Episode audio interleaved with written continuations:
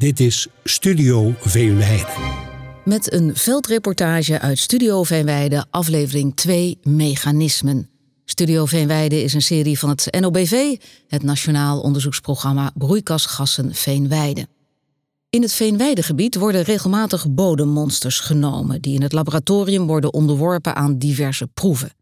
In deze reportage krijgen we een rondleiding langs de diverse laboratoria van de afdeling Ecologie en Biodiversiteit van de Universiteit Utrecht door Mariet Hefting, bodemkundige, universitair hoofddocent, Joost Keuskamp, onderzoeker koolstofopslag en duurzame landbouw en Laura Knops, PhD bij het NOBV.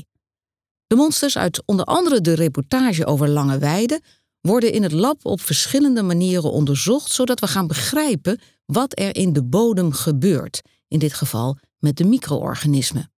En de uitkomsten van de proeven zorgen ervoor dat we het proces van afbraak uiteindelijk kunnen beïnvloeden. Een rondleiding in de wereld van petri-schaaltjes, ecoplates en koelkasten. Uh, ik ben nu net de monsters uit de koelcel gaan halen. We bewaren die daar uh, tijdens de nacht. En we gaan nu die monsters in het lab uitzoeken. Dus ik ga nu een eerste monster nemen. Die zijn allemaal verpakt in plastic zakjes. Het is gewoon een koelbox hè, waar je het uithaalt. Ja, ja, ze zijn allemaal bewaard in die koelbox. Zodanig dat uh, het monster niet uh, opwarmt. Het moet altijd koel blijven. Daarom leggen we nu ook het monster op een bak met ijs. Zodanig dat tijdens het uitzoeken uh, het monster niet gaat opwarmen. Mariet, waarom is Laura het veen aan het mishandelen, als ik het zo mag noemen. Ze is aan het ja. fijn knijpen. Laura is het monster aan het fijn knijpen door het zakje heen. En dat heeft ermee te maken dat veen heel heterogeen is. Dat de samenstelling dus heel erg wisselt van plek tot plek. En wat ze aan het doen is, is dat veen heel erg homogeen maken, dus mengen. En dat heeft ermee te maken dat we een, een submonstertje willen nemen. En dat moet representatief zijn voor um, dat hele veen wat we gemonsterd hebben. Dus ze mengt het monster door het zakje heen, zodat er geen verontreinigingen in komen. Ik ga nu ook uh, handschoenen aandoen voor dezelfde reden. Zodanig dat wanneer ik het uh, veen aanraak, dat het niet verontreinigd wordt. Zo. En daarna gaan we een subsample van het monster uit het zakje halen en hier op het ijs leggen. Om de wortels uh, en andere ongewenst materiaal eruit te halen. Zo, zoals bijvoorbeeld nog stukjes gras of zo. Dat willen we niet meenemen. Waarom is dat, Mariet? Want ook dat is toch organisch materiaal? Dat is ook organisch materiaal. Het is alleen van de korte C-cyclus. Waar wij naar uh, op zoek zijn, is hoe micro-organismen, dus bacteriën, schimmels en archaea, hoe ze het veen eten. En we willen vooral uh, monsters hebben van het veen zelf en daar uh, onderzoek aan doen. Dus we kijken naar de afbraak van veen. En de afbraak van de wortels en de afbraak van het gras zelf, dat interesseert ons in dit geval niet. Dit is nu wel oké. Daarna neem ik zo'n potje die al gelabeld is. En dan ga ik dat afwegen. Dus ik wil ongeveer 20 gram. Het moet niet heel precies zijn, maar zo. Waarom 20 gram? Uh, waar gaat dit naartoe? Uh, deze potjes worden dan daarna aan de respirometer aangesloten. dus die worden dan in flessen gezet, zoals hier. Ik neem er nu een fles. Dat is een hele bak met flessen. Ja. En wat jij net hebt uh, van worteltjes hebt ontdaan, dat heb je dus in dat potje gedaan en dat gaat in die fles. Ja, hierna wordt eerst nog uh, het vochtgehalte van uh, het monster bepaald. Dus we gaan het, monster, we gaan het drooggewicht wegen van het monster. En ook het gewicht van, van dit veen. En daarna willen we het op 70% veldcapaciteit brengen. Wij brengen het op 70% van die veldcapaciteit, zodat er voldoende zuurstof in de bodem aanwezig is voor de micro-organismen. En dan is het vergelijkbaar met de omstandigheid in het veld? Dan is het vergelijkbaar met een omstandigheid op een bepaald moment in het veld. Want in het veld gaat die, uh, dat vochtgehalte natuurlijk de hele tijd heen en weer. Het kan helemaal verzadigd zijn, dat alle poriën vol zitten met water. En het kan helemaal droog zijn, dat, het dat, dat er bijna geen water meer aanwezig is in een hele droge zomer. Wij brengen het op een bepaald vochtgehalte, zodat we de verschillende monsters van de verschillende momenten eh, tussen het veen kunnen vergelijken. Dus we willen eigenlijk een bepaald vochtgehalte eh, standaard vastzetten, zodat we de verschillende activiteiten kunnen vergelijken. Dit veen is dus, uh, wordt nu klaargemaakt voor al die proeven die hier in de rest van de gang uh, plaatsvinden. We hebben de labs ook gescheiden met verschillende metingen in verschillende labs. Dit is echt de eerste stap. Dus we moeten eerst het veen afwegen en in die subsamples verdelen. En we kunnen ook niet alles meteen in de respirometer uh, opmeten, omdat de respirometer niet genoeg uh, capaciteit heeft. Dus een deel van deze monsters gaat meteen um, in de respirometer en de rest gaat terug in de koelcel, zodanig dat we uh, een van de volgende dagen dan uh, respira de respiratie daarvan kunnen meten. We gaan nu naar het respirometerlab, dat is een paar deuren verderop. En daar is Joost om ons uit te leggen hoe de respirometer verder werkt. Dag Joost. Hoi.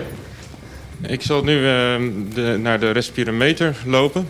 Die gebruiken we om uh, de ademhaling van micro-organismen te meten. Is dat te vergelijken met uh, mensen die een longaandoening hebben... en die respirometer heel goed kennen... omdat ze daar altijd in en uit moeten blazen? Nou, net zoiets. Hierbij blazen de micro-organismen blazen of kooldioxide uit... net zoals dat bij, bij mensen gemeten wordt. Alleen hier gaat het om hele kleine hoeveelheden. Dus het kost ons wat meer tijd om dat goed te kunnen meten. En dat doen we met deze respirometer. Dat zijn twee uh, grote boxen die op elkaar staan met in één de sensoren.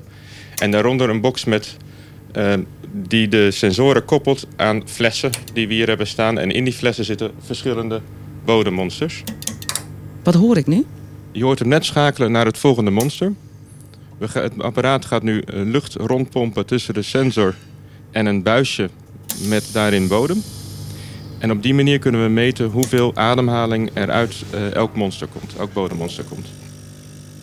Dus in het veen, het veen verdwijnt langzaam omdat uh, bacteriën het veen opeten en daarbij ademen ze CO2 uit. Door nu CO2 te meten, weten we hoe snel er gegeten wordt. Wacht even, hoe sneller die eet, uh, hoe, hoe, hoe, meer ze ademhalen, mag ik dat zo zeggen? Hoe sneller ze eten, hoe meer ze ademhalen. Het kan zijn dat ze gaan groeien, dan zie je heel veel uh, ademhaling. Maar het kan ook zijn dat ze gewoon aan het uh, veen aan het verteren zijn. En een van de producten die daarbij vrijkomt is CO2. En dit zijn ook monsters waar um, klei in zit?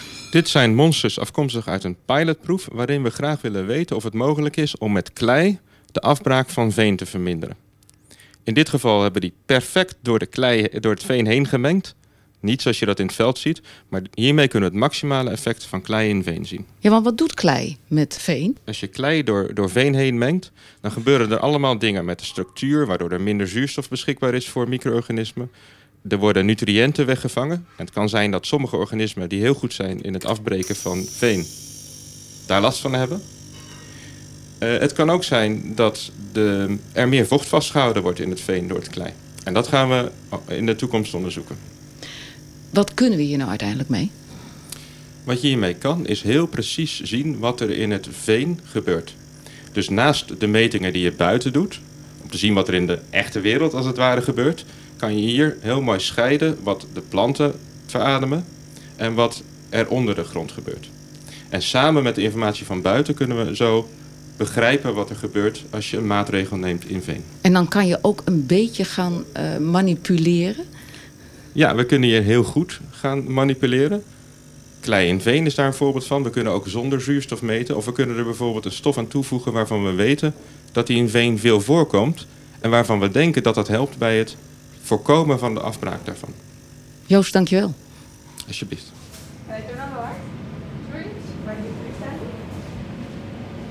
We staan nu bij de incubator uh, in het lab uh, met de flowkamers en uh, de EcoPlate Reader. En um, in de incubator is het 25 graden. Dus dat is een soort nou, koelkast, warm. maar dan lekker warm. en Laura gaat nu even het monster pakken. En het, het monster is een EcoPlate. Dat is een, een plastic bakje met 96 gaatjes daarin.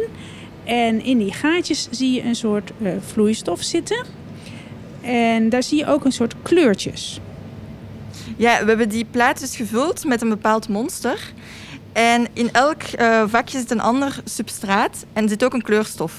En wanneer de micro-organismen vanuit het bepaald sample die, uh, die substraat gaan afbreken, gaat dat gaatje van, van kleur veranderen. En dat is wat we nu zien. Dus we zien verschillende gaatjes die paars zijn geworden en andere zijn nog, zijn nog altijd gewoon doorzichtig. Dus dat wil zeggen dat enkel uh, sommige substraten zijn afgebroken en andere niet.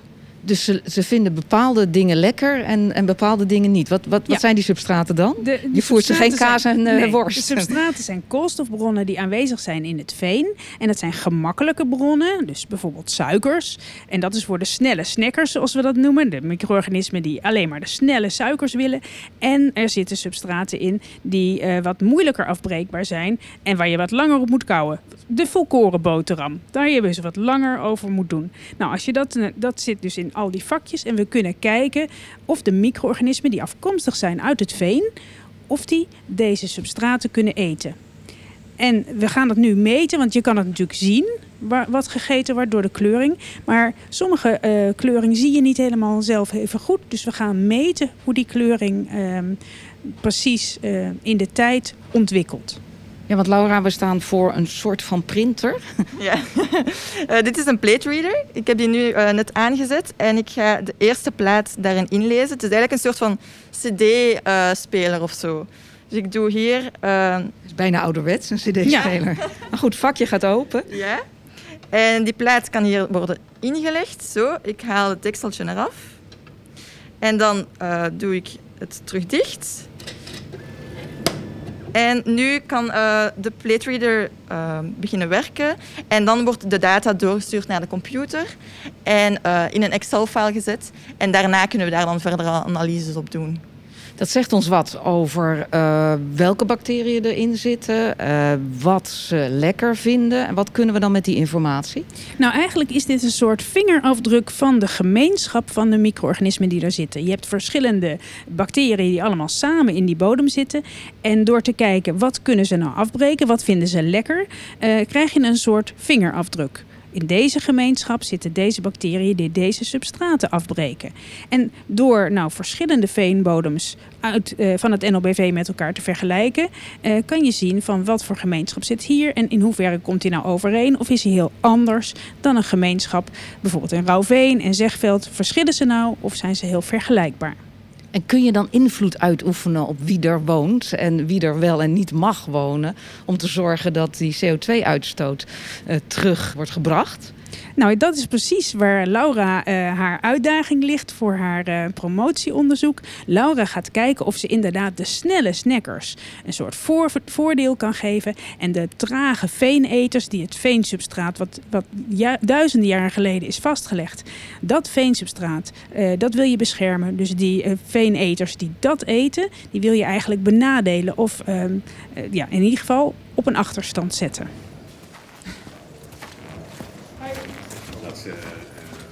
We staan weer in een uh, ander lab uh, voor een indrukwekkend apparaat. Dit is een apparaat van ongeveer een meter breed, uh, 75 centimeter diep. hij ziet eruit als iets wat niet misplaatst was in een ruimtevaartcentrum uit de jaren 70. Beschrijf hem eens, want ik, ik heb hier een kastje waar je, die, die je open en dicht kan doen. Hè? Ja, dus dit is uh, de sluis. Um, wanneer er een monster, uh, wanneer we dat uh, uit het veld hebben gehaald, onder zuurstofloze condities hebben vervoerd naar ons lab, dan brengen we dat in deze sluis en dan kunnen we dat hier neerzetten. en dan kunnen we alleen deze sluis flushen met stikstof. En vervolgens kan het monster dan overgebracht worden naar de kast, de anaerobe kast. En die is helemaal zuurstofloos. En daar, ehm, daar zitten een soort handschoenen. Kijk hier, dan kunnen we dus werken zonder zonder dat de monsters in aanraking komen met zuurstof. Dus op die manier kunnen we werken onder anaerobe condities. En dan kunnen we datzelfde uitzoekwerk, die worteltjes eruit halen... en het behandelen van het veen kunnen we doen onder zuurstofloze condities. Kun je hem eens aanzetten? Ja, ik kan eventjes uh, laten horen hoe dat klinkt als hij aan bezig is. En dan ga je aan het werk daar? Ja, dan gaan we hier aan het werk. En dan uh, zijn we de monsters hier aan het bewerken uh, onder zuurstofloze condities. Ja, we zullen maar even uitzetten zodat je ja. het kunt uitleggen. onderin het veen is geen zuurstof aanwezig. Daar zijn de zogenaamde anoxies of anaerobe condities. En normaliter uh, hebben bacteriën zuurstof nodig om het veen op te eten. Maar er zijn ook bacteriën die zonder zuurstof toch nog het veen kunnen afbreken. En dat zijn er veel minder en dat, zijn er, dat is ook veel minder actief, veel minder snel. Maar we zijn wel geïnteresseerd in ook deze bacteriën en hoe die dat veen kunnen opeten met behulp van andere stoffen dan met zuurstof. Omdat je ze dan kunt scheiden? Dan kun je ze scheiden en omdat we een dikke laag veen hebben en als de, de afbraak plaatsvindt, maar op een heel laag tempo, is dat toch significant, kan dat bijdragen aan de CO2-emissie. Het is absoluut niet zo snel als wat er in de bovengrond gebeurt wanneer het gedraineerd wordt, maar onderin gebeurt ook wel degelijk wat. Mariet Hefting, die ons een rondleiding gaf langs de diverse laboratoria. Wil je met haar op stap om alles te leren over het steken van monsters en het lezen van de veenbodem? In aflevering 2 van Studio Verwijden zit nog een reportage die gaat over het mechanistisch begrip. En wil je over de hele linie worden bijgepraat over bodemprocessen, dan kan ik je ook het college van Gilles Erkens van Deltaris aanbevelen in Studio Veenweide, De Verdieping, aflevering 2.